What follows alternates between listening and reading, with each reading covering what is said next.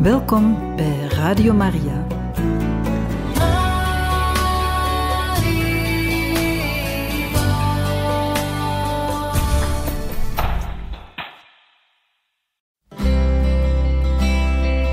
Welkom bij Boekat, een programma van Radio Maria.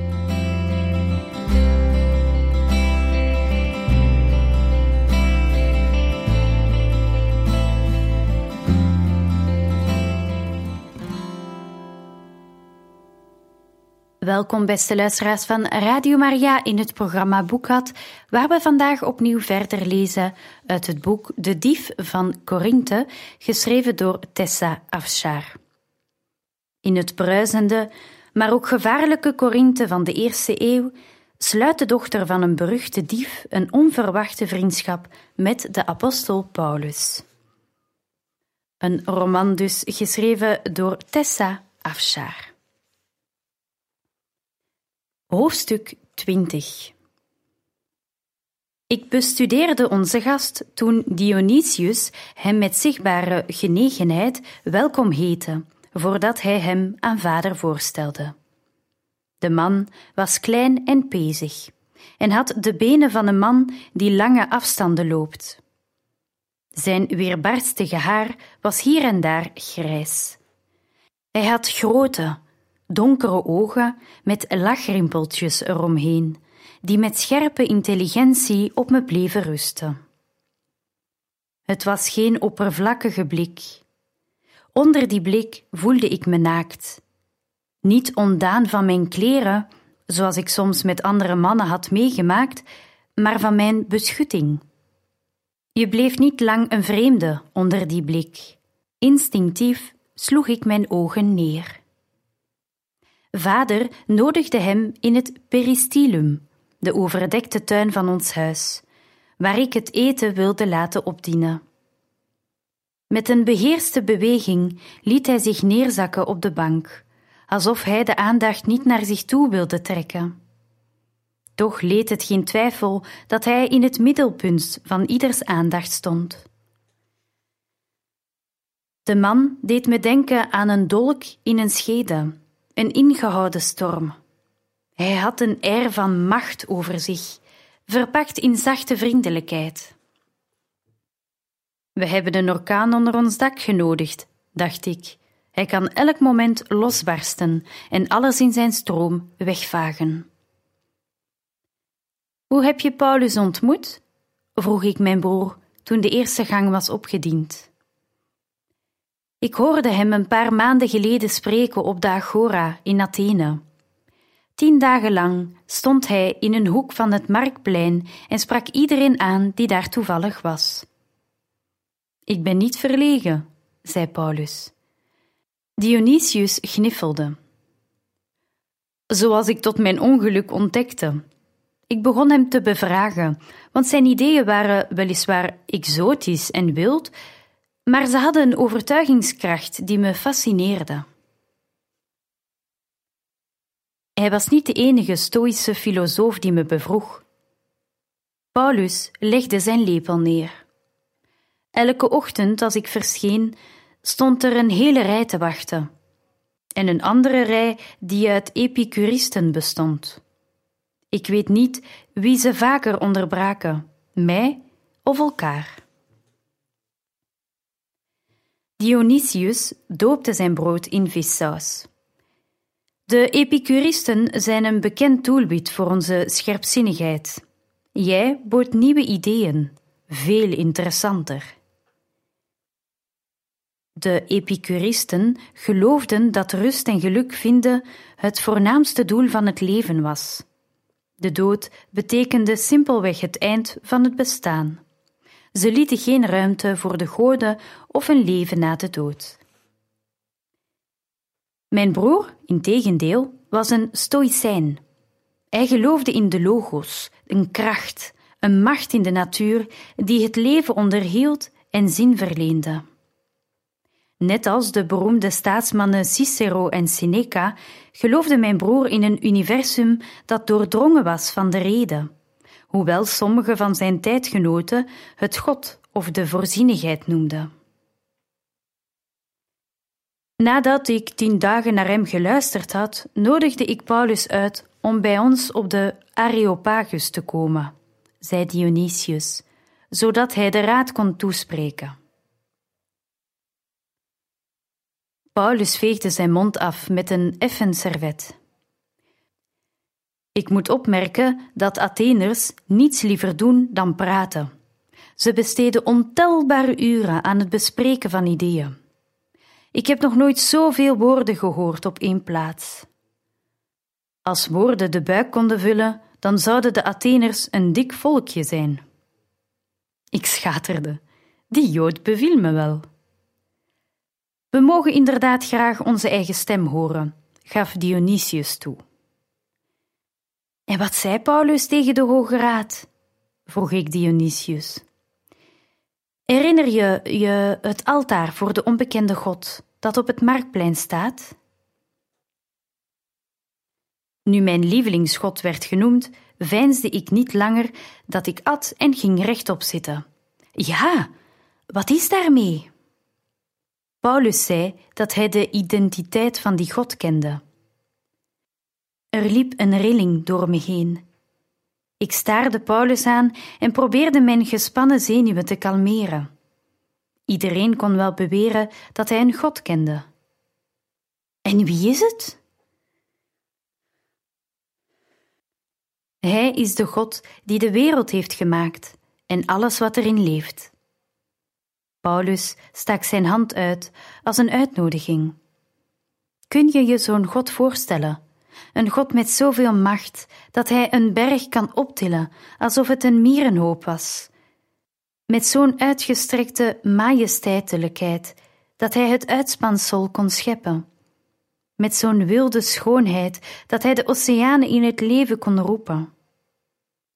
Kun je je voorstellen dat zo'n God in een door mensenhanden gemaakte tempel woont? Het is kinderlijk om dat te denken. U praat net als de Stoïcijnen, zei ik. Weg met de oude godheden en hun listige wegen en mooie tempels. Laten we ons in plaats daarvan keren tot de weg van de reden, naar de kracht die aan het werk is in de natuurlijke wereld. Dat dacht ik eerst ook. Dionysius sprong op uit zijn liggende positie.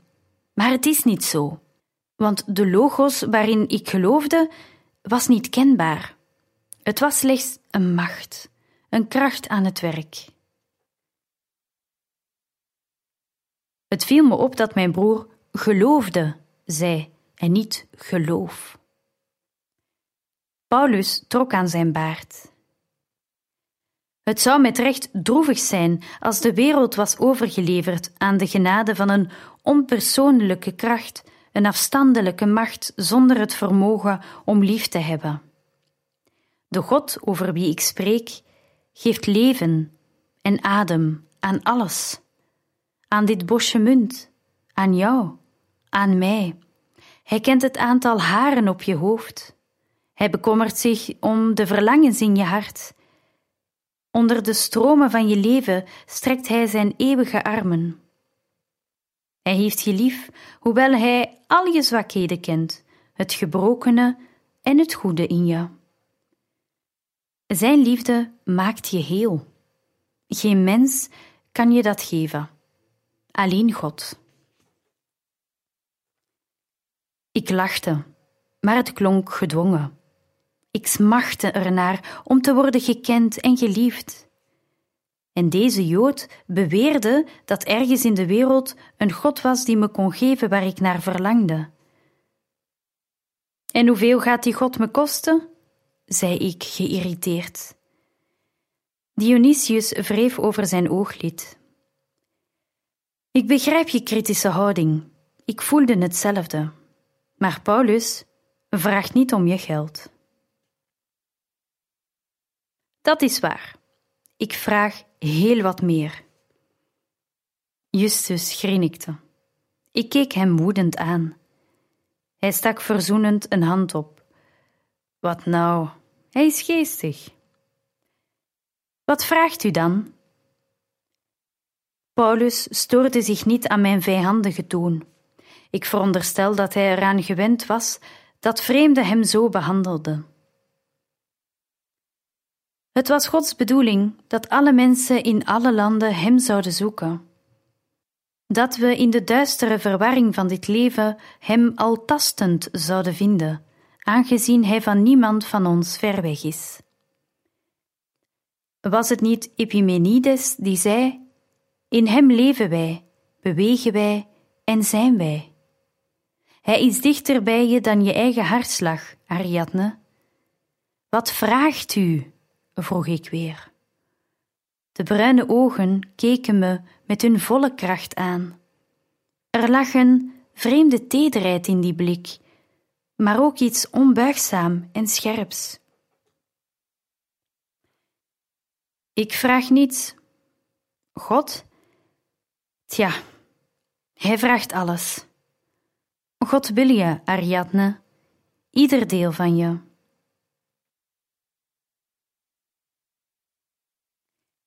De rest van ons diner ging in een mist voorbij.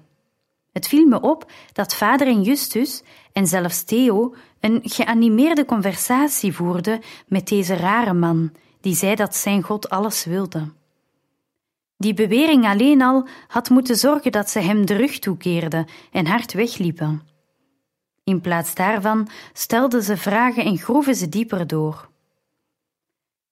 Al die tijd ondersteunde Dionysius Paulus' uitspraken en weidde daar verder over uit met zijn eigen verklaringen.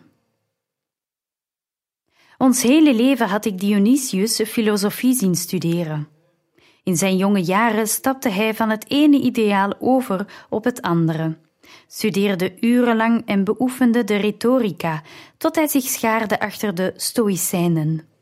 Maar dit was anders. Deze bezige man met zijn mengeling van Romeinse en Hebreeuwse scholing bood niet slechts een filosofie. Hij zocht ons leven te veranderen. Onder de lagen van zijn vriendelijke belofte kwam hij met een vulkanische uitbarsting.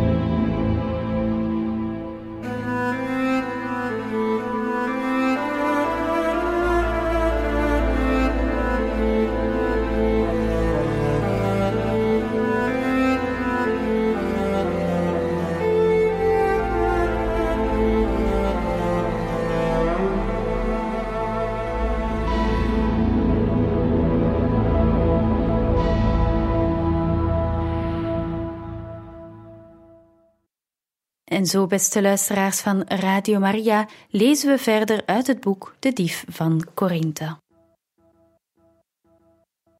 Later die avond, nadat onze gasten waren vertrokken en mijn broers naar bed waren gegaan, vond vader me in het atrium. Hij ging voor me op een kruk zitten. Zonder inleiding fluisterde hij: Dionysius heeft me gevraagd het stelen op te geven. Ik keek met een ruk op. Wacht, wanneer? Ik heb toegestemd, Hij sprak zacht, zodat niemand ons kon horen. In zijn stem bespeurde ik een vastberadenheid die ik nooit eerder had gehoord. Wat? Wat? Hij heeft gelijk, Ariadne. Wat ik heb gedaan, wat ik jou heb laten doen. Hij schudde zijn hoofd. Ik heb een leven van misleide arrogantie geleid, van zelfzucht, en ik heb jou ermee bezoedeld. Ik wil opnieuw beginnen. Een nieuw leven. We hebben dit gesprek eerder gevoerd, zei ik om hem te kalmeren. Ik begon het ijskoud te krijgen. Door ons is Galatea bevrijd. Wat is daar verkeerd aan? Als we haar wilden bevrijden, hadden we met ons eigen geld voor haar moeten betalen. Het geld dat we niet hebben. Ik stak mijn handen in de lucht. Wees redelijk. Heel Korinthe houdt van u. Ik boog me naar hem toe. Is dit door toedoen van Paulus? Bedoelt hij dat soms als hij zegt dat God alles van ons wil? Ik krulde mijn lippen. Dat nieuwe begin waar u naar verlangt, wordt dat voorgeschreven door een of andere godsdienst? Zullen we ons huis en ons land kwijtraken omwille van een onechte God die opgestaan is in wie weet welk afgebrokkeld hoekje van het rijk? Vaderstem klonk ijzig. Doe niet zo oneerbiedig over iets wat je niet begrijpt. Ik geef de eerbare dief op. Dat is alles wat je hoeft te weten. Ik keek hem ongelovig na toen hij wegliep. Zo had hij nog nooit tegen me gesproken, zo beslist, met zoveel onbuigzame afkeuring. Dionysius vond me in de vroege ochtenduren nog steeds op hetzelfde plekje op de gebarsten bank. Voorzichtig vouwde hij zijn lange lijf naast me. Vader heeft met je gepraat. Hij zei dat hij zijn leven verandert voor jou. Hij schikte zijn toga over zijn linkerschouder. Hij was Romeins geworden in Korinthe. In Athene zou hij geen toga hebben aangeraakt, al had hij er het volste recht toe. Je bent boos op me. Wat voor recht heb je om ons je dierbare overtuigingen op te dringen? Als Paulus en zijn God zijn wat je wilt, ga dan en verheerlijk je godheid. Loof en prijs hem zoveel je maar wilt. Waarom eis je dat vader zich aan jouw geloof wijdt? Ik eis helemaal niets, Ariadne.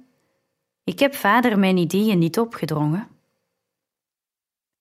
Ik sloeg mijn armen over elkaar en boog opzij. Die arme man is zo bang om je weer kwijt te raken dat hij er alles voor over heeft om je maar te houden. Dat is toch dwang? Toen ik net wist dat ik naar vader moest terugkeren, was ik van plan hem een ultimatum te stellen. Stelen opgeven, anders ben je me kwijt. Stelen is verkeerd. Dat geloofde ik als stoïcijn.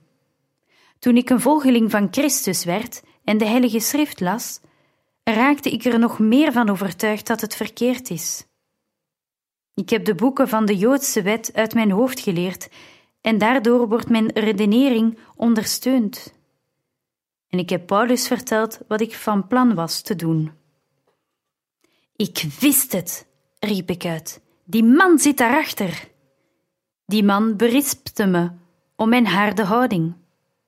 Er is een wereld van verschil tussen het woord van God kennen en de God van het woord kennen, zei hij. God biedt ons onverdiende genade. Dat is de God die ik dien, Ariadne. Paulus heeft me geleerd dat Vader mijn vergeving nodig heeft, niet mijn oordeel. Ik ben in liefde naar hem toegekomen. De beslissing om te veranderen is geheel en al zijn eigen beslissing. Nu klonk er bitterheid in mijn stem. Je ontdoet hem van alles waar hij van geniet. Noem je dat liefde? Dionysius stond op. Misschien geniet hij niet zo van dit leven als jij je voorstelt. Dionysius, getraind als hij was in de retorica, zou altijd een antwoord hebben op de bezwaren die ik aandroeg. Hij zou elke discussie winnen. Ik was geen Athener. Ik had het gehad met woorden. Ik wist wat me te doen stond. Dionysius drukte zijn liefde uit op zijn manier. Ik zou liefhebben op andere manieren. Ik liet mijn vader niet van zijn huis en grond beroven door het nieuwe geloof en de morele overtuigingen van mijn broer. Van zijn waardigheid. We moesten nog maar twee berovingen plegen om onze schulden af te betalen en de toekomst veilig te stellen. Nog twee slechte mannen moesten worden gestraft. We verwoesten geen levens, hield ik mezelf voor. We namen alleen weg wat onrechtmatig verkregen was, de kruimels van de weelde van een corrupt mens. Ik deed geen kwaad, integendeel zelfs. Ik bracht een vleugje gerechtigheid teweeg en gaf mijn vader de stabiliteit die hij verdiende. Ik was geen dief. Ik was niet van plan om mijn hele leven te blijven stelen. Dit was een uitzondering. Sterker nog, het was bijna mijn plicht.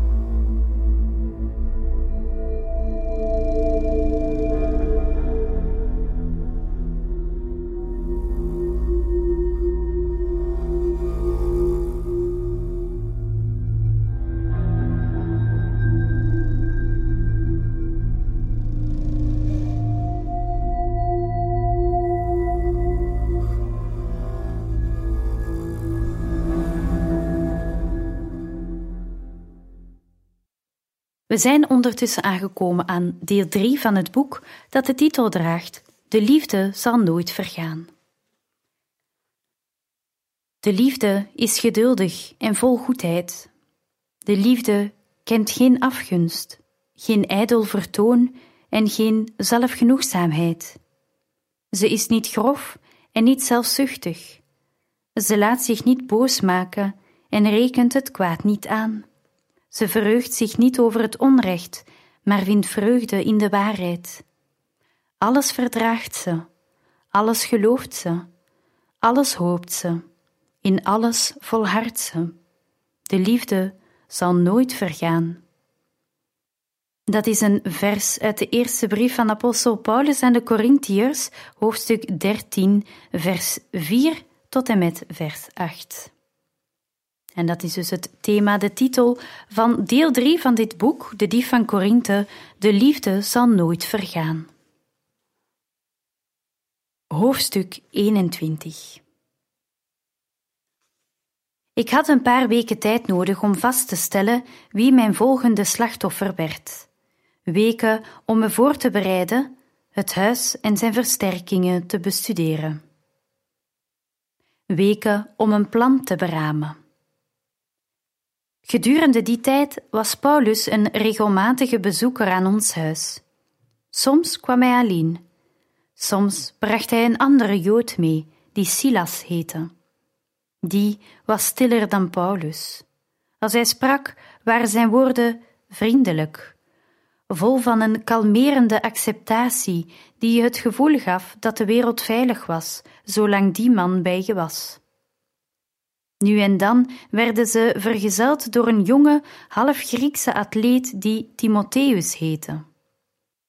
Theo mocht Timotheus graag en ging vaak met hem trainen in de Palaestra. Justus leek net zo tot Paulus aangetrokken als Dionysius en mijn vader. Zelfs Theo stelde zijn reizen uit om naar hem te luisteren, als hij eindeloos zat te zeuren over die dierbare Jezus van hem.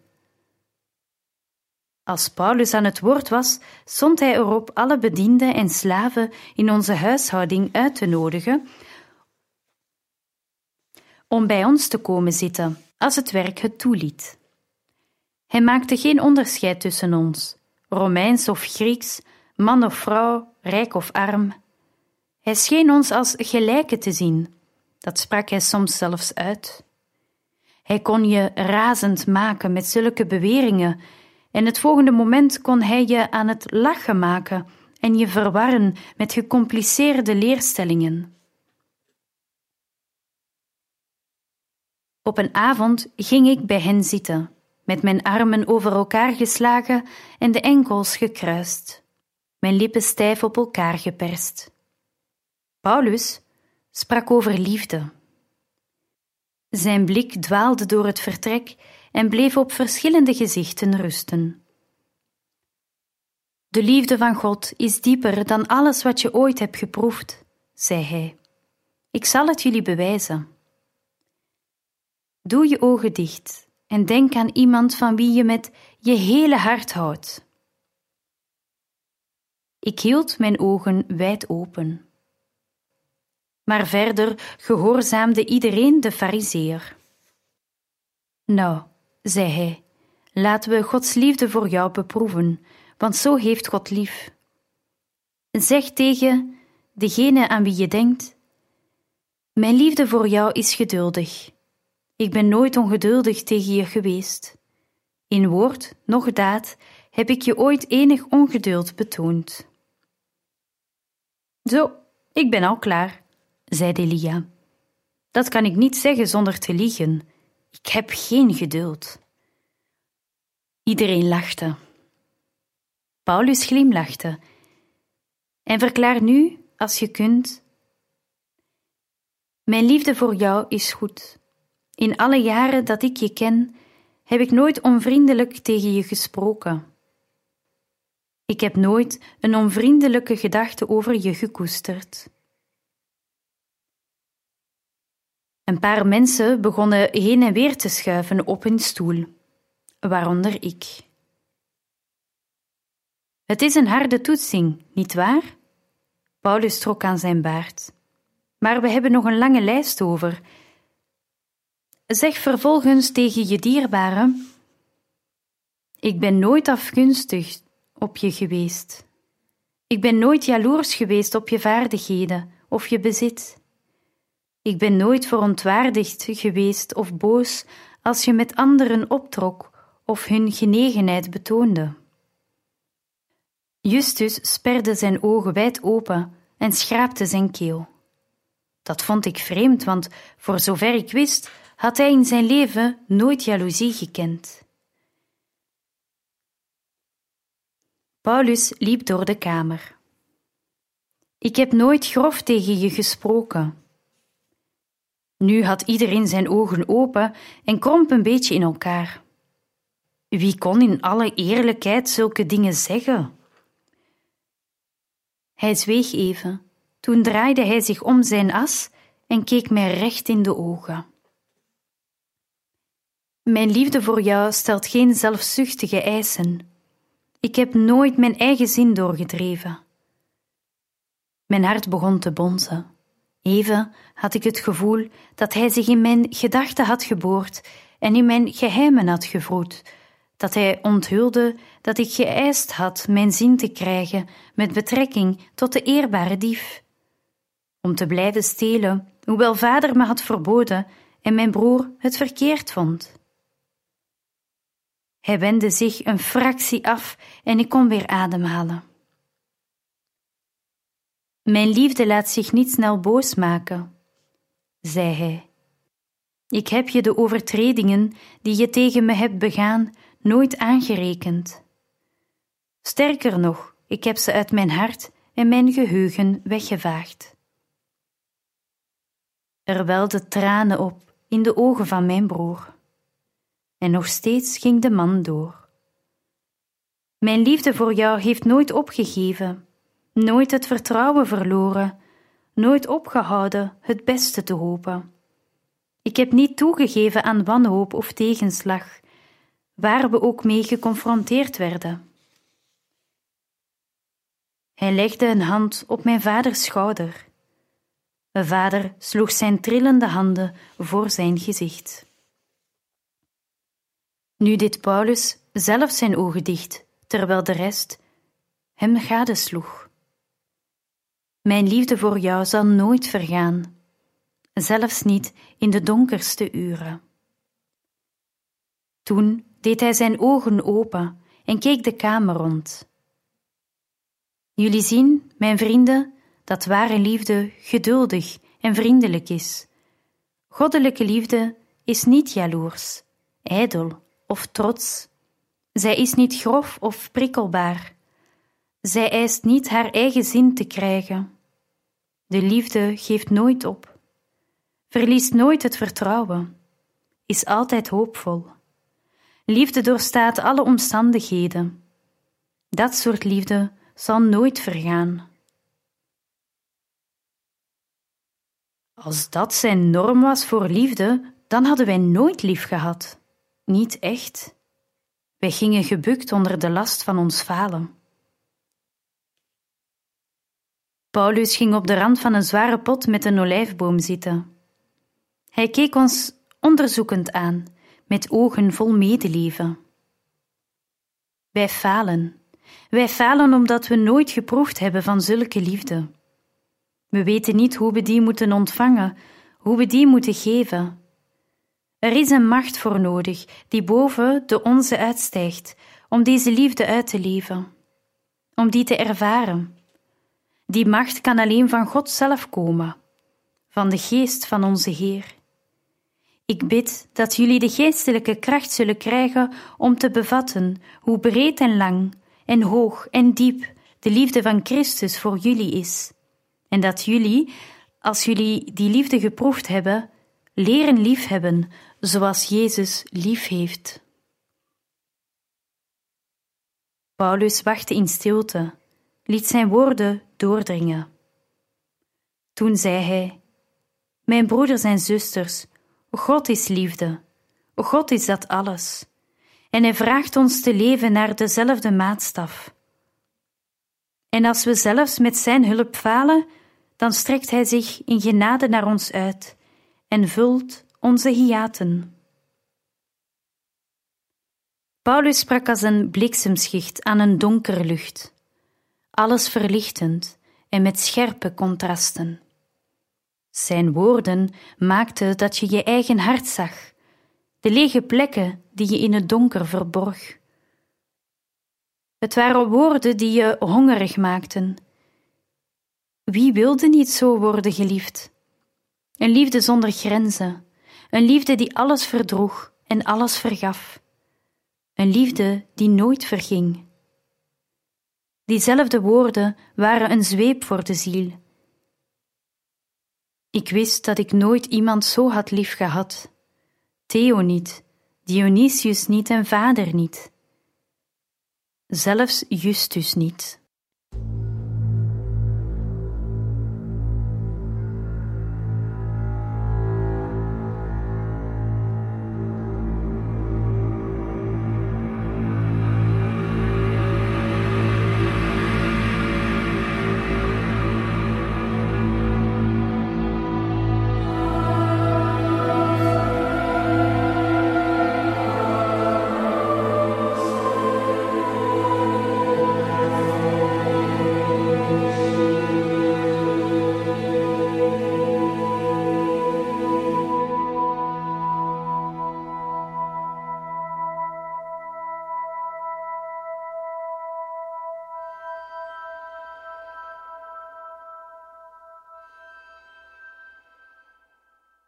In een volgende aflevering zullen we verder lezen uit het boek De Dief van Korinthe. Tot de volgende keer.